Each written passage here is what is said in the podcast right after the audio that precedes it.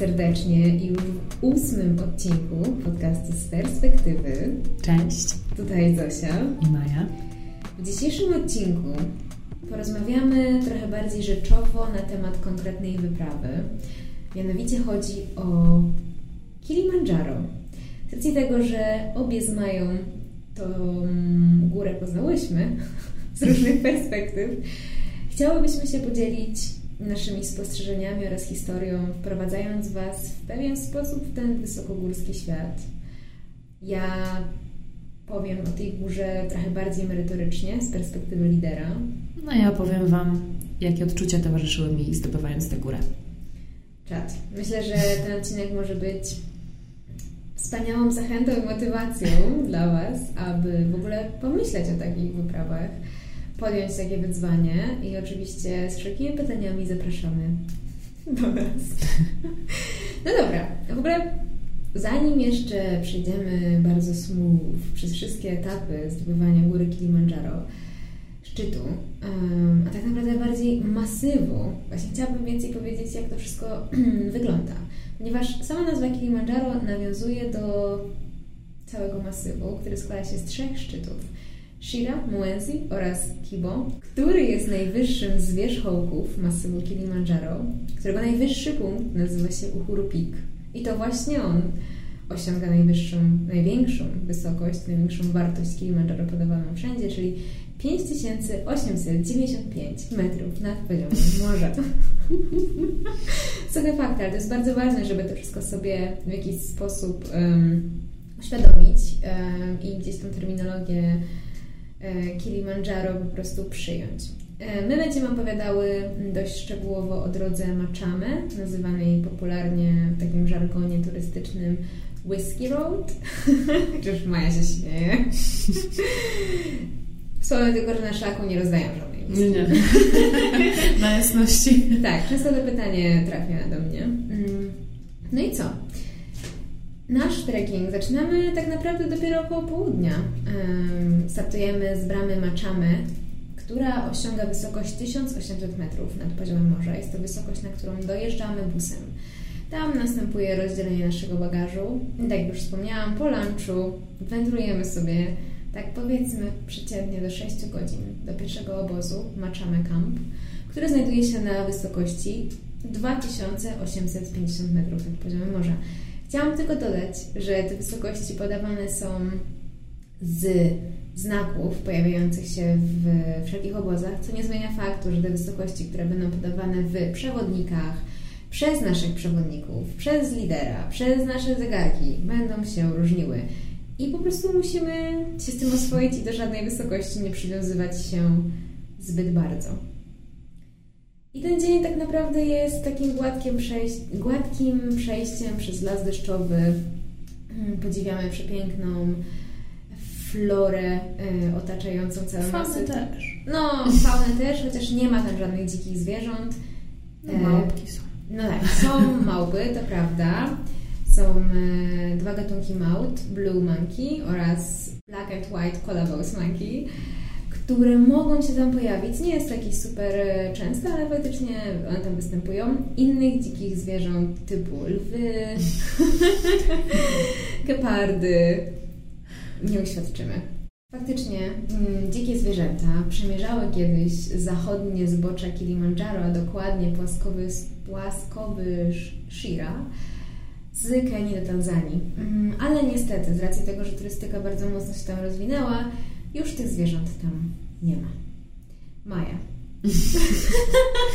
Standardowo.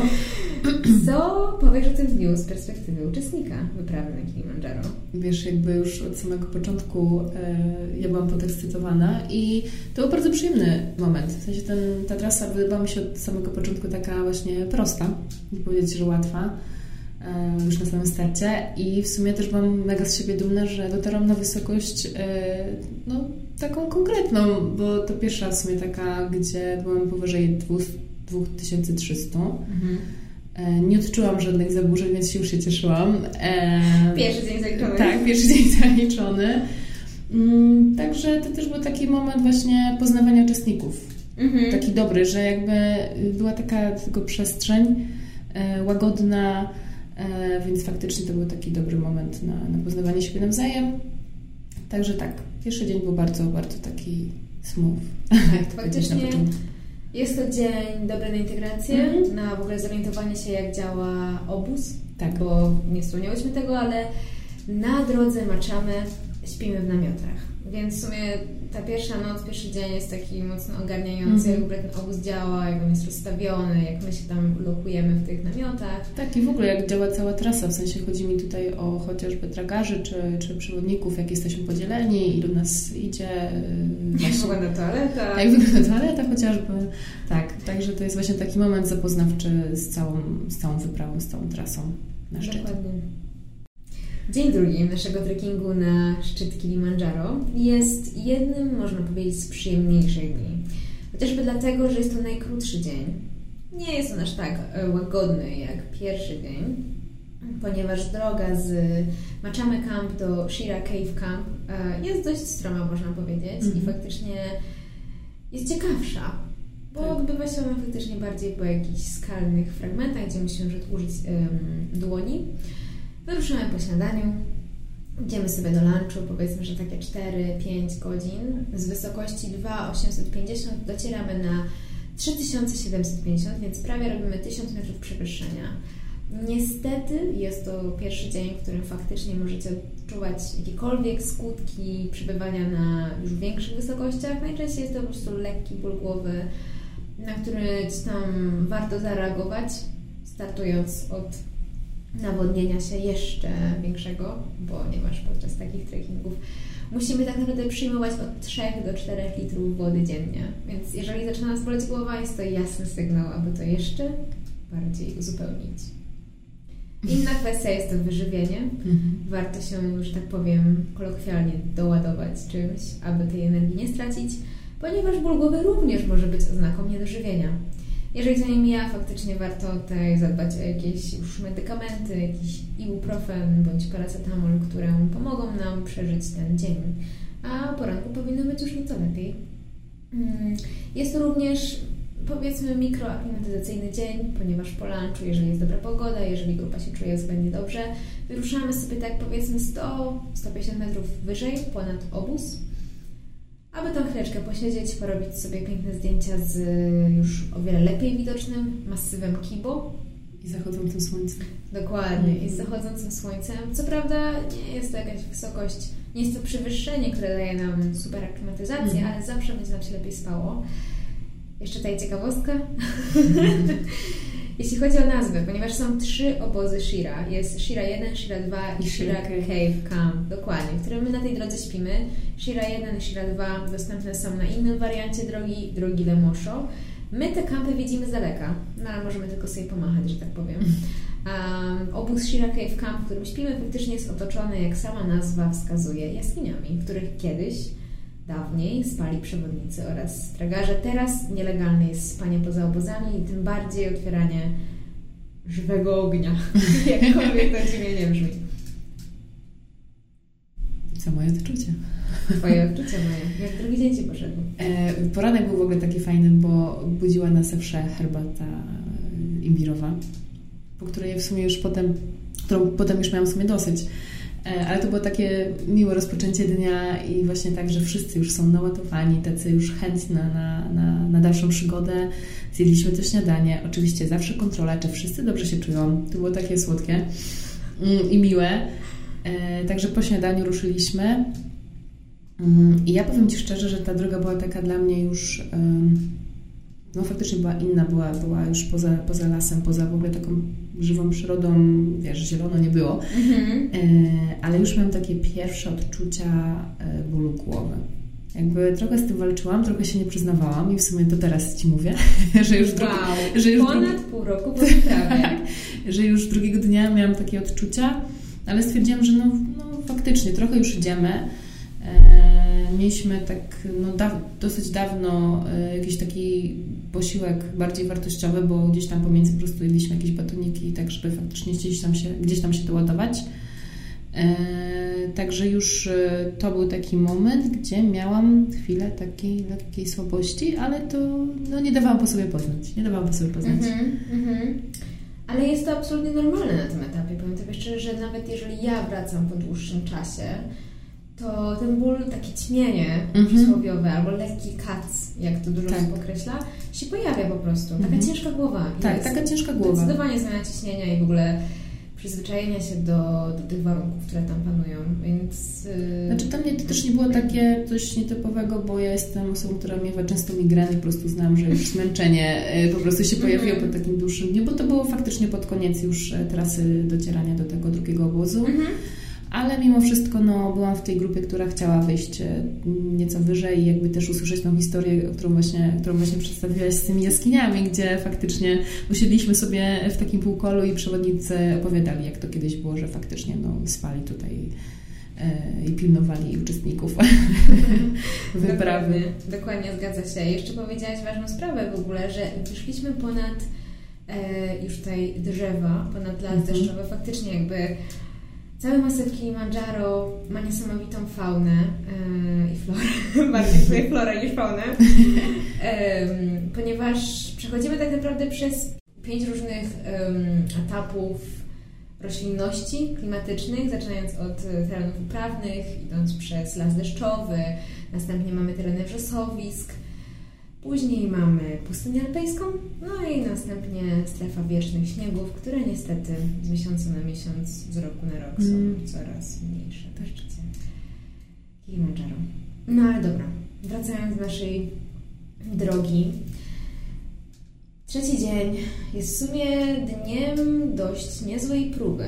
Już to jest prawdziwy dzień aklimatyzacyjny, gdzie rano ruszamy z obozu Shira Cave Camp z, przypomnę tutaj, 3750 na wysokość 4600 metrów nad poziomem morza do słynnego obozu Lava Tower, um, czyli miejsca, gdzie faktycznie możemy dojrzeć przy dobrej pogodzie e, piękną, e, magmową wieżę.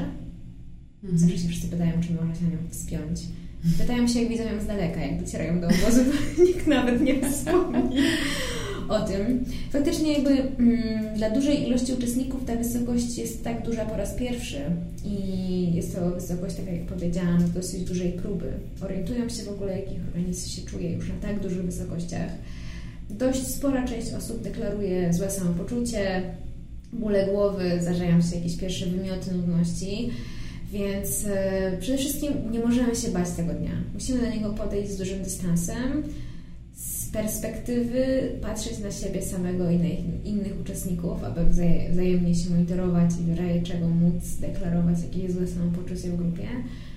A na Lava przede wszystkim się najeść po raz kolejny. Tam mamy lunch, napić, możemy uzupełnić wodę i ruszyć sobie spokojnie jeszcze jakieś trzy godzinki do e, obozu Barranco Camp, mojego ulubionego, na wysokość 3900. Tutaj wracamy na dość podobną wysokość co obóz Shira Cave Camp. Z racji tego, że jest to dzień klimatyzacyjny, musimy później wrócić na tą podobną wysokość, na tym 3900 i już czujemy się o wiele, wiele lepiej. E, Naprawdę te kilka godzin na o wiele wyższej wysokości bardzo dużo daje. No i jest świetnym sprawdzianem przed zdobyciem samego szczytu. Maja, No, jak u Ciebie potoczył się ten dzień? Trzeci dzień, tak jak w sumie Zosia już wspomniała, był zwieńczy, zwieńczy jest ogólnie zwieńczy dla większości uczestników i tak też było w moim przypadku. E, Ale w sumie dopiero pod koniec jakby docierania do obozu. Ja się tylko uśmiecham, bo pamiętam tą historię. okej, myślałam, że już coś nie gra. Nie, nie, nie, wszystko gra. E, I to było dosłownie 15 minut, to myślałam, że będzie jak dojdziemy do ale to było jeszcze jakaś godzina i po prostu widziałam, widziałam ten moment, e, widziałam, że już dużo osób dociera na, na, na miejsce, a ja już miałam po prostu totalny zawroty głowy. E, czułam, że mój... O, Zosia też robi minę, no nie wiedziała do końca, co się dzieje chyba. Nie wiedziałam, że aż tak grubo. Tak, miałam zawroty głowy, e, no brzuch mocno, mocno mnie wykręcał. I już po prostu marzyłam, żeby dotrzeć na miejsce i pierwsze co zrobiłam, to poleciałam za, namiot em, zrzucić balast y, z każdej możliwej strony. Jak Maja nie oszczędza. E, no, jak mam być szczera, jak było, e, to, to właśnie tak, ale jakby no, mm, to nie było tak, że jakby nie, nie wiem, chciałam pokazać, że nie dam ja dam przecież jestem taka fest, że, że ogarnę ten temat, ale jakby słuchałam się całkowicie i Zosi, i lokalnych przewodników, mm, co mam robić i też czułam się mega super, bo y, mm, każdy, po prostu każdy pytał, y, jak się czuję i i to było mega miłe i to było wręcz takie, no, mm, też motywujące, żeby, kurczę, trochę właśnie odpuszczę, mm, coś tam spróbuję przekąsić, bo to też był taki tutaj, taka konieczność, tak jak Zosia wspomniała i to było też mówione e, przez lokalnych cały czas przewodników, że choćby się no, działo najgorzej, macie jeść. E, Chociaż jakieś takie basic Tak, rzeczy. tak. E, także no, nie może być sytuacji, gdzie po prostu idziecie na głodnego. Nie, nie, nie, nie, nie, nie. Więc to było też mocno pilnowane i faktycznie się czułam bardzo zaopiekowana i ten dzień e, no, był mocno zwieńczy, bo myślę, że był e, też taki mocno motywujący, żeby mm -hmm. iść dalej tak na pełnej. I faktycznie zrobiło mi się już lepiej, jak zeszliśmy dosłownie z jakieś 100 metrów e, niżej. Dosłownie w przeciągu właśnie tych, tej chwili. Mm -hmm. Było takie, kurczę, już, już jest okej. Okay. tak, ja myślę, że też kwestia leków też. Fakt tego, że no, zrzuciłaś zbędne rzeczy. Dwa, że coś zjadłaś, odpoczęłaś. Coś tam, coś tam się przekąsiło. No i oczywiście Wszyscy patrzyli, czy się je. No ja jedz, jedz. Tak, tak, to jest super. Właśnie ja o tym często wspominam w moich grupach, aby wzajemnie się monitorować i się pilnować. Ponieważ jakby, no, jesteśmy grupą, wspólnie mm -hmm. dążymy do tego samego celu, więc dlaczego mielibyśmy się wzajemnie, mówiąc brzydko, olać? Wręcz przeciwnie, fajnie jednak się wspierać w tym wszystkim. Tak, grupa i... była naprawdę mocna, fantastyczna, każdy siebie faktycznie obserwował i, i tutaj wzajemna pomoc cały czas była, więc to też było super. Mhm. Ja jeszcze z takich y, pytań, odpowiedzi, które mogą się pojawić na pytania, które mogą się pojawić w kontekście tego, o czym mówimy. Jak wygląda toaleta w ogóle? A no tak. Obozach zazwyczaj są toalety publiczne dla całego obozu, mm, które są murowane bądź drewniane. E, klasyczna dziura. Tak, klasyczna dziura na małysza, e, że tak powiem. Ale jest tak, o wiele bardziej zdrowsze i też higieniczne. Tak. E, mimo wszystko coraz częściej agencje wprowadzają coś takiego jak toaleta turystyczna, która po prostu jest montowana w namiocie tak zwanym WC, który jest lokalizowany obok mesy, mesa, czyli namiot główny, namiot e, jadalniany, bym powiedziała wręcz, miejsce spotkań w obozie. E, więc nie ma z tym problemu. Faktycznie, żeby gdzieś tam szybko wyskoczyć na stronę i o tą prywatność zadbać.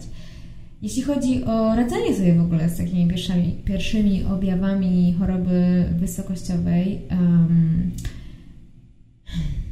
jest tutaj wiele szkół i, i może nie będę się tutaj wgłębiała, e, wkraczała na po prostu otwarte wody e, medykamentów, jednak bardziej naturalnych sposobów.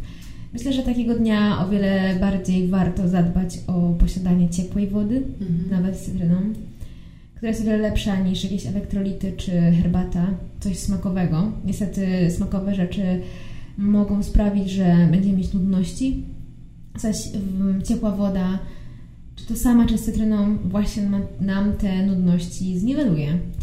I, I, jakby jak widzę, że faktycznie uczestnicy już mają ciężko na żołądku, a dalej gdzieś tam wlewają w siebie imbirową herbatę bądź e, elektrolity, które w teorii powinny pomóc, no niestety czasem trzeba odpuścić i te dwa dni się przemęczyć, jeżeli problemy natury gastrologicznej się pojawiają. To jeśli jesteście na bieżąco z naszymi odcinkami i był taki fragment, gdzie wspomniałam o tych y, złych wspomnieniach związanymi z elektrolitami, to teraz możecie się domyśleć, o co chodzi.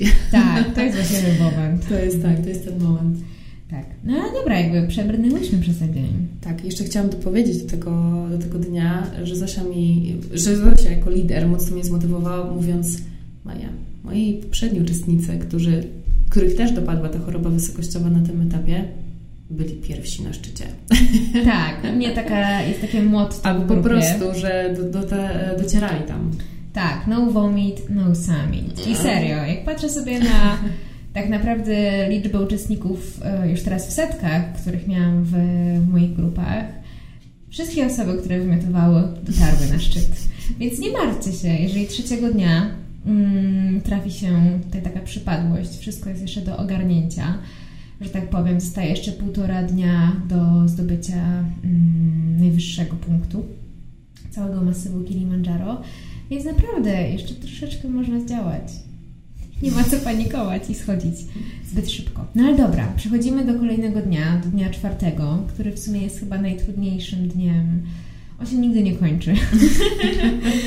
tak naprawdę. Mm, tak, no dosłownie się nie kończy. Zaczynamy bardzo wcześnie, wcześniej niż zazwyczaj, z racji tego, że mamy do pokonania w sumie najtrudniejszy fragment całego szlaku, czyli ścianę Baranko. Jest to miejsce, w którym nie możemy mieć żadnych kików, E, jak to mówią lokalni przewodnicy, monkey style i mm -hmm. po mhm. prostu um, chwytamy się skał czym możemy. Oczywiście nie jest to żaden teren trudny pod względem ekspozycji czy niebezpieczny. Chłopaki faktycznie bardzo tak, dobrze dbają o bezpieczeństwo tak, uczestników. Dokładnie. Pilnują nas, pomagają nam się tam wdrapać. Trwa to około powiedzmy półtorej do dwóch godzin. Niestety cała ściana jest w cieniu. Jest po prostu jeszcze zasłonięta przez perspektywę innych e, wzgórz. No i niestety jest tam dość e, zimno. Mm, no ale jak już wejdziemy sobie na ścianę Baranko z wysokości 3900 na około 4000, no niecałe 100, czeka nas dalsza przeprawa do obozu Karanga, która jest góra dół, góra dół, góra dół.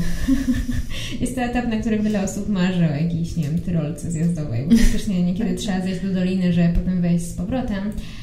A w obozie Karanga mamy tylko lunch i możemy popatrzeć na inne grupy z zazdrości, że tam zostają na noc. Niestety, mm -hmm. my ruszamy dalej. Z powrotem z 4000, niecałe 100, ruszamy już do najwyższego obozu, w którym będziemy spać, do Barafu Camp, tak zwanego base campu, mm, który znajduje się na wysokości 4675 metrów nad poziomem morza.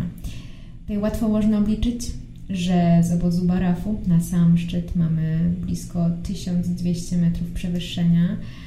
W momencie, kiedy uczestnicy widzą, ile to jest kilometrów, hmm, są przerażeni. Są w stanie obliczyć gdzieś tam e, poziom nachylenia wejścia. Pozostają to w tajemnicy. Tylko dla tajemniczonych. Nie, serio, jakby mm, trzeba się po prostu z tym liczyć, że jest to dosyć duże przewyższenie.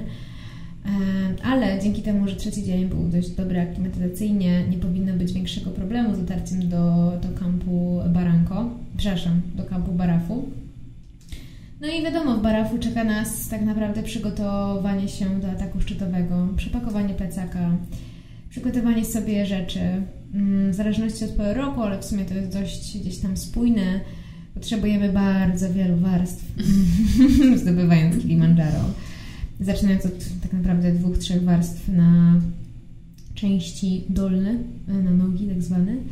E, no i tutaj na, na tors, e, na części górne potrzebujemy blisko pięciu mhm. warstw, tak żeby faktycznie schodząc móc się rozbierać, z racji tego, że temperatura już wtedy sięga zenitu i fajnie móc dostosowywać swój ubór wtedy już bardzo tutaj automatycznie i tak e, smooth do tego, jaka temperatura nas dosięga.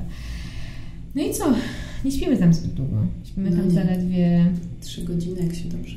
Tak, jak się dobrze przejdzie, tak. dobrze się wszystko zorganizuje. Powiedzmy, że te trzy godziny snu mamy. E, wiesz co, ogólnie tak Ci powiem, że to był dla mnie jeden z fajniejszych dni. Ogólnie atak szczytowy był super, ale to za chwilę. ten moment, kiedy Wyszło się w nocy, jeszcze przed w sumie... Y, Ale mówisz o czwartym dniu? Tak. Okej, okay, że wyszliśmy na Baranko Wall. Mhm. Tak, w sensie, no jakby... Mm, tak, o czwartym... Tak, czekaj, czekaj, muszę to teraz dobrze sobie przypomnieć. Dni się teraz zlewają. Zlewają mi się dni, czy tak sobie rozmawiamy i tak... Czy to było faktycznie? Zosia mi teraz tak uświadamia, ale... E, ściana była super. Spina, elementy spinaczkowe były dla mnie czymś ciekawym podczas drogi, bo to było faktycznie coś innego niż po prostu mhm. iście, że tak powiem. Mm. Ale faktycznie, kiedy robimy bardzo szybkie ruchy tam, no w momencie, kiedy używamy rąk, musimy bardzo szybko, nie wiem, podbić nogę, rękę, to faktycznie bardzo czuć to zmęczenie i łapanie oddechu. Ale powiem Ci szczerze, że ja byłam chyba na takiej adrenalinie, Mhm. że ja w ogóle zapomniałam, że my jesteśmy na takiej wysokości, jakby faktycznie może gdzieś tam noga nam się powinąć, ale przez to, co wspominałyśmy wcześniej, że to, że to e, zapewnienie bezpieczeństwa przez e, chłopaków, lokalnych przewodników e, było na tyle wysokie, że ja w ogóle nie czułam żadnego jakby zagrożenia. Okej, e, tylko zmuszanie do pocałowania ściany. tak zwany No, kissing konie- club, tak, tak, ale to konieczne. szczęście. Tak, oczywiście. To tradycja. Ja to robię za każdym razem, widzisz? Widzisz, ile razy tak wracam? No, no tak. E, Ale jak już dotarliśmy w sumie e, no, do obozu i właśnie był ten moment, szybka kolacja i szybkie ogarnianie się na, do, do snu, hm, krótkiego snu, do drzemki, można tak powiedzieć. I robiło się już ciemno i ten moment, te gwiazdy, ta głucha cisza, ta ciemna przestrzeń i widok e, na miasto gdzieś tam oddali. Moshi, mhm. Moshi, tak. Było czymś niesamowitym i wow, po prostu aż mi słów y, brakuje na, na, to, na ten opis całego, całego tego, całej tej sytuacji, całego tego miejsca. Więc zasypiałam z taką, z takim spokojem, wiesz? Ja się Wow. nie mogłam doczekać, y, aż wstaniemy za te kilka godzin i wyruszymy. Jakby mm, Zosia, powiem szczerze, odgórnie tutaj całą grupę trochę wystraszyła. Dzięki Maja, zdradzasz tutaj moje techniki liderowania. No, jakby nawet ja się przestraszyłam, chociaż znamy się już tyle czasu, to y, mówiłaś o ataku, jakby no, to tak y, brzmiało bardzo groźnie. Nie możecie spać, nie możecie siadać. Y, Żółcie gumę. Co? No Wam zakazałam tak, siadać? tak, tak, mówię, nie opierajcie się zbytnio o, skały, w sensie gdzieś tam możecie sobie przycupnąć, ale to nie może być, y, wiesz, dłużej nawet niż 5 minut, bo faktycznie to ciśnienie robiło robotę. Tak, no jakby trzeba myśleć, że jest mega zimno. I Tak, ogólnie wychładzanie tak, się na tak, takich tak, tak, wysokościach tak, nie ma sensu. To jest duży przeskok temperatur jednak i szybko po prostu ta temperatura się zmienia i faktycznie no lepiej, lepiej już iść i my szliśmy dosłownie tip-topami. Tip-topami naprawdę i y, to tak czy siak robiło tą robotę, żeby faktycznie ten organizm nie, nie, nie stygł, że tak powiem. No. Wiesz, ja zdecydowanie wolę Wam powiedzieć najczarniejsze Tak, scenariusze tak, i absolutnie. nastawić Was, że nie będzie to coś lekkiego. Bo lepiej się przejechać w tą stronę i na końcu powiedzieć mi, ej, w ogóle gadać Mm. głupoty. Ty w ogóle byłaś? Niż czemu nam tego nie powiedziałaś. Mhm. I faktycznie to działa, jakby widzę już na przestrzeni tylu grup, że jest to moment, w którym ludzie uświadamiają sobie, w jakiej są sytuacji, w jakim są momencie, co ich czeka. I, I jakby no widzę, że jakieś tam to sukcesy odnosi. No a przede wszystkim, wiecie, musicie się uświadomić, musicie się uświadomić, musicie uświadomić sobie, że to nie jest absolutnie łatwa sprawa. Idzie całą noc. Mhm. Idzie prawie, że te 8 godzin od północy do 8 rano to jest taki przeciętny czas dotarcia z obozu Barafu na, na sam szczyt Uhuru Peak na 5895 metrów, tutaj z przybłędną wysokość. Po drodze oczywiście mijamy mm, jakby punkt, który jest już na kraterze, Mhm. uważany przez no, potencjalne zdobycie szczytu, Szczytu. Poprzez zdobycie całego szczytu Kibo, jednak nie zdobycie najwyższego punktu Mhm. szczytu Kibo, czyli Uhuru Peak, to jest bardzo skomplikowane.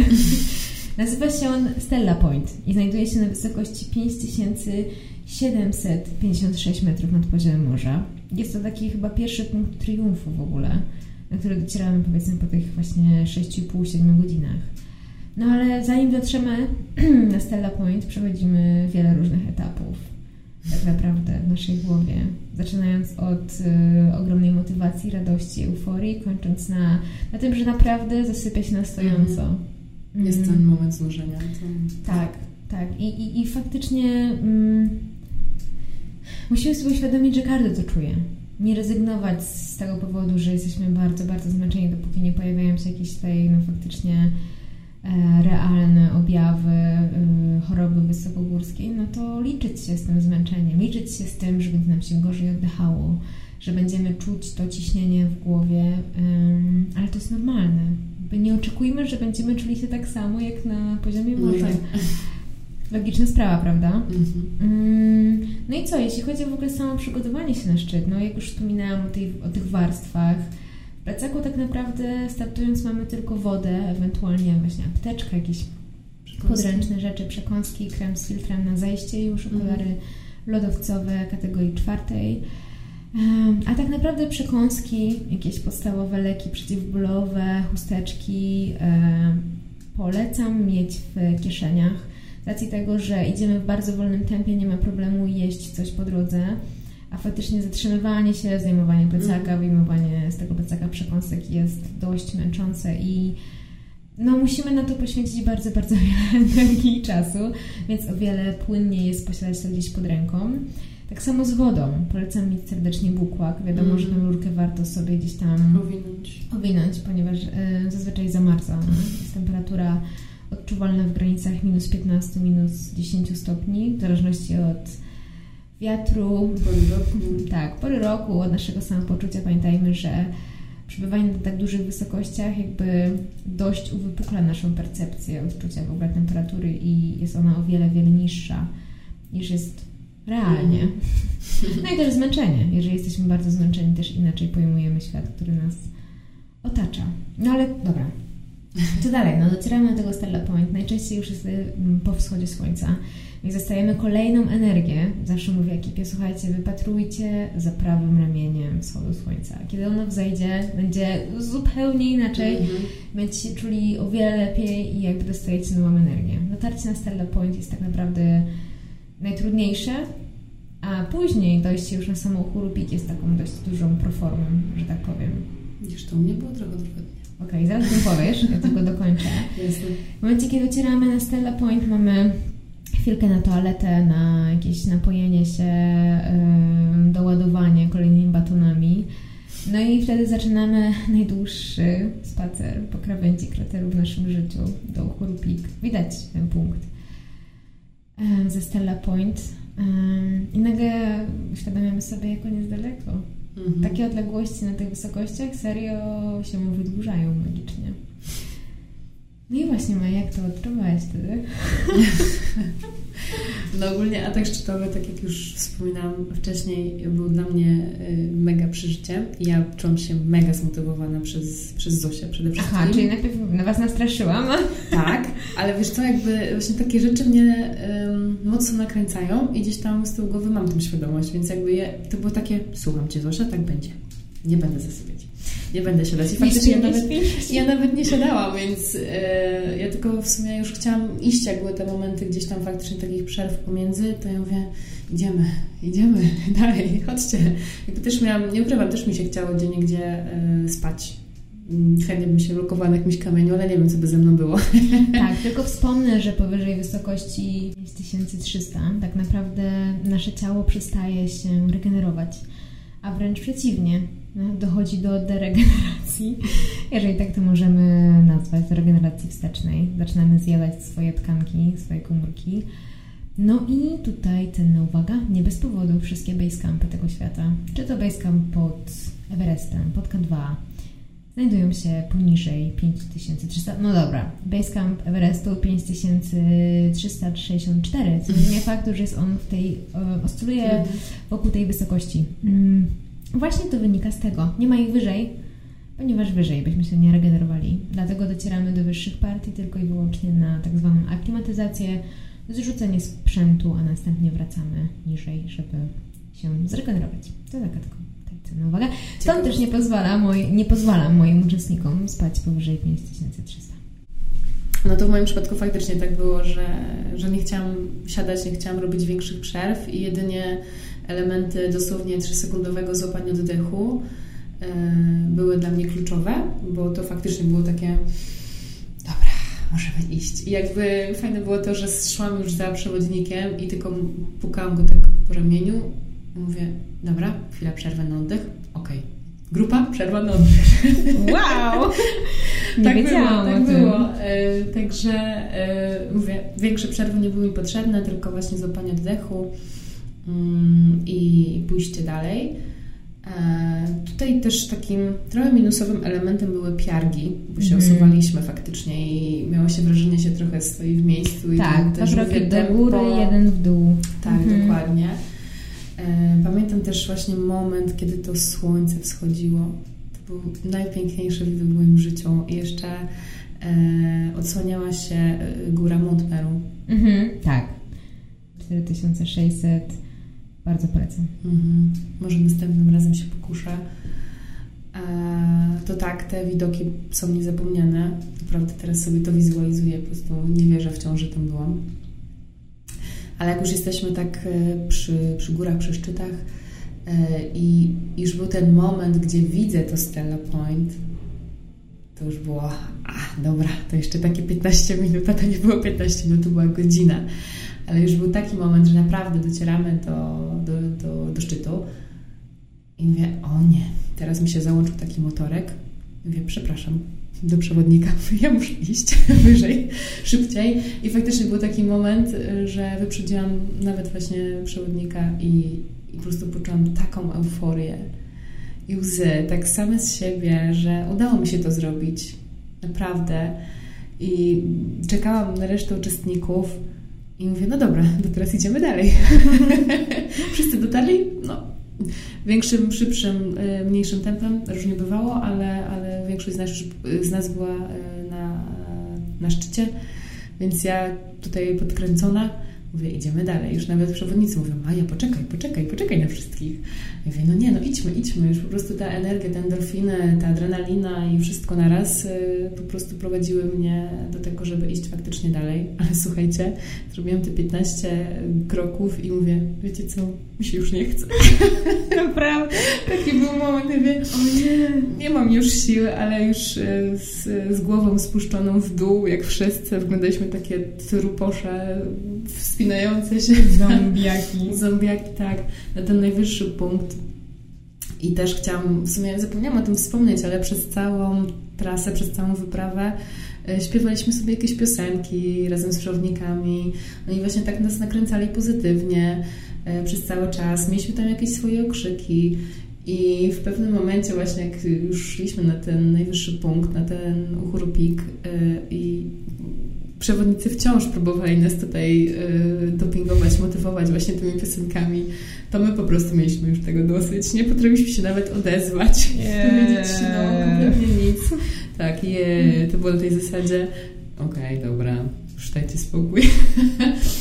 E, także to był moment, gdzie mm, faktycznie już wszyscy czuli się ogromnie zmęczeni i tylko marzyli tak szczerze o tym, żeby zrobić sobie zdjęcie na najwyższym punkcie i szybciutko zejść. I też zejście było trochę takie niezależne, bo każdy już schodził e, z własnym przewodnikiem już o dowolnej godzinie, już to nie było takie zależne od grupy całej, więc każdemu też zależało na tym, żeby zejść jak najszybciej. No i też jakby chodziło o to, że no mieliśmy mało czasu wtedy na odpoczynek, e, żeby no, wszyscy się tutaj zgromadzili i potem musieliśmy iść jeszcze niżej. Mhm. E, więc to też była taka motywacja czasowa. Tutaj Zosia właśnie wspomniała, że im szybciej zejdziecie, tym więcej będziecie mieć czasu na to, żeby jeszcze sobie trochę odpocząć e, i się zregenerować i potem zjeść wspólny posiłek i idziemy dalej znowu w dół. Także faktycznie to był bardzo długi dzień. I tak jak wchodziłam te 8 godzin, tak schodziłam 2 godziny. Mm. tak, bo na tych piargach robią się Tak, po prostu to, tak, to wtedy akurat było zbawienne, że można było sobie zjeżdżać. Mhm. Tak, ja jeszcze tak wspomnę, e, ponieważ na wiele wypowiedzi Mai się dziwię, tak jakby mi tam nie było. Bo faktycznie mnie tam nie było. No tak. E, ja jako lider zawsze. Tak, ja jako lider zawsze zamykam grupę. Mm, idę ostatnia, pilnuję E, wszystkich, czekając w razie czego na jakieś informacje, że coś jest niehalo. Mm, no i na ataku szczytowym jest tak samo, co nie zmienia faktu, że gdzieś tam w pewnym momencie dzielimy się na podgrupy, szczególnie to się dzieje właśnie przy wchodzeniu już na sam szczyt masywu Kilimandżaro. I, I faktycznie chyba z dwoma osobami zostałam gdzieś tam kilkadziesiąt minut mm, niżej. E, koniec końców, tak naprawdę prawie wszystkim udało się zdobyć e, szczyt. E, z czego pamiętam, chyba z 20 osób 19 dotarło na Uhuru Peak, Mhm. A jedna z tych osób dotarła na Stella Point, więc jakby dosięgnęła, że tak powiem, szczytu, nie dosięgnęła najwyższego punktu mm, całego krateru. Więc byłam bardzo dumna z całej ekipy i wytrwała do końca. No ale właśnie, co nie zmienia faktu, e, często moja rola na tym etapie zmienia się w osobę koczującą na Stella Point i tak naprawdę monitorującą już osoby ostatnie wchodzące na ten punkt, osoby schodzące z samego uchuru Peak, więc tak naprawdę dopiero z Mają spotkałyśmy się w momencie, kiedy ja siedziałam na Point, czekając na ostatnie osoby wchodzące, a Maja schodziła już w dół. E, tam sobie zrobiłyśmy w sumie jedyną fotkę e, na szczycie, e, ale jest ona piękna i jakby już widziałam jej euforię, co było dla mnie niesamowite i jakby ogromna duma do mnie napłynęła.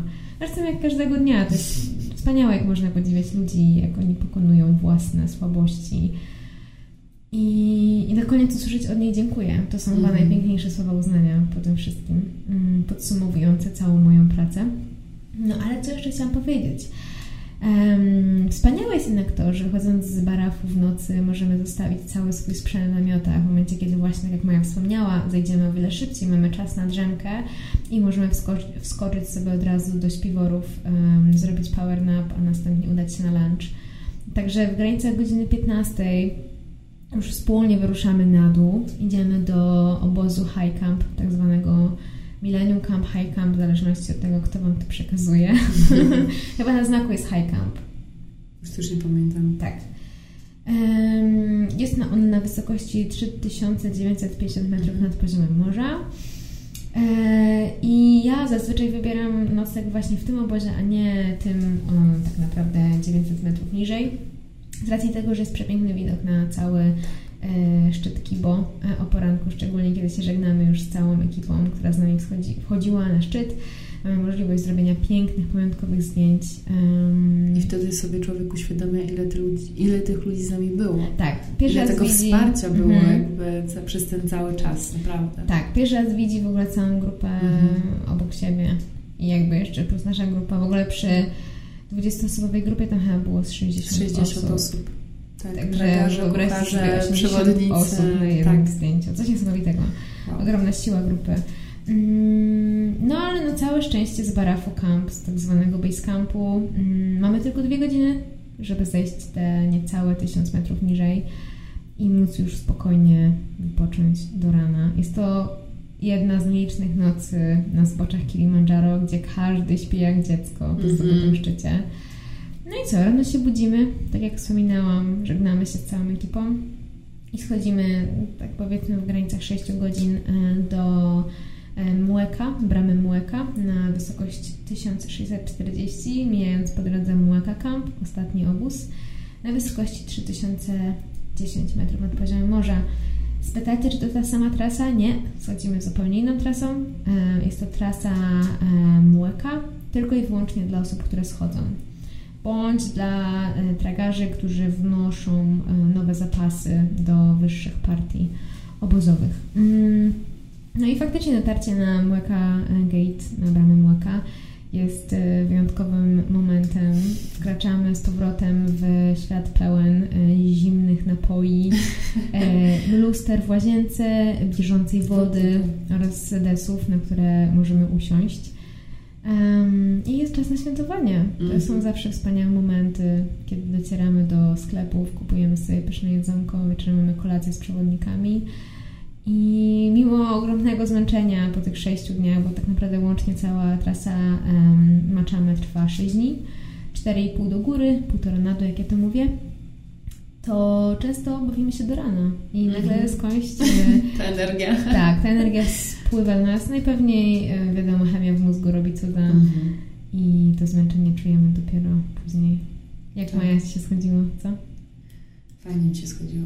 Ja bardzo lubię ten las deszczowy. Tak, też mi się Tak, idziemy z Moka Camp do Bramy Młeka. On jest moim zdaniem piękniejszy mm -hmm. niż pierwszego dnia, tak, chociaż to jest dalej ten sam las. Tak, ale coś jednak ma w sobie. Nie wiem, czy to już jesteśmy na takim luzie, że a, udało się, weszliśmy, schodzimy i Może tak więcej czasu na podziwianie, myślę, Może że... tak być, tak.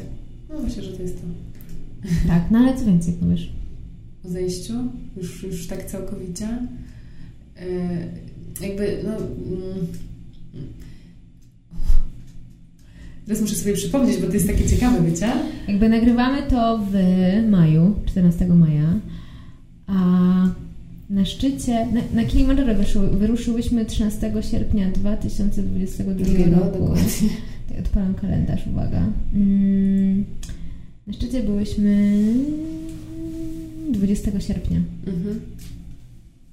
No. Ale wiecie co, bo to też jest taka ciekawostka, że niektórzy nie pamiętają nawet samego wejścia na szczyt. I w naszej grupie też były takie, e, takie przypadki. Mm, W sumie jestem ciekawa czemu, czy to jest taka, nie wiem, prędkość Ale zdobycia- chodzi o to, że nie wszyscy pamiętają wejście na szczyt? Wejście na szczyt.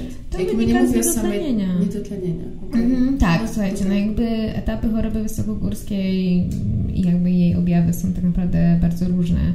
W momencie, kiedy przebywamy dość długo na tych wysokościach, może dojść do niedotlenienia oczywiście, em, które objawia się najczęściej atak, atakiem ataksji. Jest to moment, w którym przestajemy mieć władzę nad kończynami. Mm, Jest to ewidentny znak, żeby zawracać. Y, Niestety, no po prostu wpływa to na nasze uwarunkowania, na nasze samopoczucie. Nie do końca wtedy możemy kojarzyć pewne fakty. Mm, Jeżeli szybko zareagujemy, to nie powinno się tutaj wydarzyć nic em, strasznego. Ale dużo ludzi w ogóle ukrywa takie samopoczucie, ukrywa jakieś bycie odurzonym, tak jakby wypili sobie pół litra przed samym wejściem. I faktycznie raz, że z emocji, dwa, że z wysiłku, trzy, że z zmęczenia, cztery z niedotlenienia mogą po prostu nie pamiętać niektórych faktów, albo w ogóle przeinaczać to wszystko, co się Mhm. działo. Są to rzeczy, które występują naturalnie, że tak powiem. E, I to też jest tutaj cenna uwaga dla Was, żeby nie zatajać pewnego samopoczucia. Pokazać tą słabość mimo wszystko, bo Tak. jednak chodzi o wasze życie i zdrowie. Tak, dokładnie. Oczywiście przewodnicy, którzy wchodzą tam średnio 2-3 razy w miesiącu, mają już na tyle wypracowane pewne schematy zachowań ludzkich na tych wysokościach, że oni po oczach, po języku, Mhm. no i to wiadomo też biologia pomaga, potrafią gołym okiem ocenić wasz stan zdrowia i powiedzieć, czy musicie zejść, czy nie. Więc wiele rzeczy i tak się nie da ukryć. I tak wyjdzie na jaw prędzej czy później, moi drodzy. A lepiej, żeby prędzej niż później. No tak, tu się zgodzę, zdecydowanie. Bo faktycznie też widziałam przypadki osób, które były sprowadzane już y, z punktu i no, nie ukrywam, było to przerażające. Mhm. Dokładnie, no nie jest to też właśnie przyjemne dla współtowarzyszy, że tak powiem, Mhm. drogi. Ale dobra, przejdźmy do rzeczy bardziej przyjemnych. Taka Co dygresja. czułaś w momencie, kiedy Już przekroczyłaś tak, przekroczyłam parku? i dotarłam do tablicy. Congratulations. um, w pewnym momencie było takie, ja nie wierzę, że ja to zrobiłam. Mhm. Ja miałam przed wyjazdem dużo takich chwil zwątpienia. Kurczę, no nigdy nie wspinam się tak wysoko i jedyne góry, które, mm, które zdobywałam, no to były nasze polskie góry, które nie sięgają takich wysokości. Mhm. E, także też miałam gdzieś tam z tyłu głowy, że nie czuję się kompletnie to przygotowana fizycznie przede wszystkim, no, fiz- no psychicznie może też. Mhm. Bo to też była moja pierwsza wyprawa do Afryki, więc totalnie też zupełnie inny kontynent, inna kultura i, i wszystko. Więc po prostu tyle myśli mi się skumulowało, że kurczę, da się. I tu jest moim zdaniem w dużej mierze ta kwestia głowy. Mhm. Tak, że to, jest, to była dla mnie taka, mm, taka medytacja, Okej. właśnie to, to, to zdobywanie szczytu. I, I do dzisiaj w sumie mam taki, taki vibe, że tak powiem, tego, że nie ma rzeczy niemożliwych. Że właśnie to Kilimandżaro, to zdobywanie tej góry dało mi taką ogromną siłę do tego, żeby robić coś w życiu i jakby nie zastanawiać się za dużo. Po prostu robić, iść się z tym prądem i, i wierzyć totalnie w siebie i w swoje zdolności. No jasne. Więc taka, taka ogromna lekcja dla mnie to była. Właśnie po zejściu do, do mnie to dotarło, więc no, niesamowita euforia i, i polecam każdemu, naprawdę. Mhm. I ja myślę, że w ogóle to są wyzwania, które nastrajają człowieka na wiele, wiele miesięcy i pomagają mu w ogóle przejść przez wiele trudności. To się świetnie gdzieś tam przekłada potem na codzienność i trudy tej codzienności. Jest to zarazem bardzo uzależniające. Mhm. Mm, Coś o tym wiem. E, ale, ale zdecydowanie jest to doświadczenie, które polecam bardzo dużej e, ilości ludziom, co nie zmienia faktu, że jednak fajnie, żebyście lubili chodzić po górach i chociaż mieli jak najmniejsze pojęcie o tym, jak to wszystko wygląda. Mm, I tu nawet już nie chodzi o to, o obsługę, która no, musi jakoś z Wami w tym terenie, że tak powiem, się poruszać, ale chodzi o samych Was, żeby dla Was to była mimo wszystko przyjemna przygoda. Super zabawa, a nie jakaś totalna męczarnia, ponieważ musimy nastawić się na najlepsze warunki, na niebranie tak, prysznicu 6 dni, dokładnie, i, i małą ilość bagażu, którą posiadamy ze sobą, limit to 15 kg głównego bagażu, które oddajemy mm, i tego nie nosimy, co nie zmienia faktu, że no, musimy przemyśleć mądrze, co tam spakować. Mhm.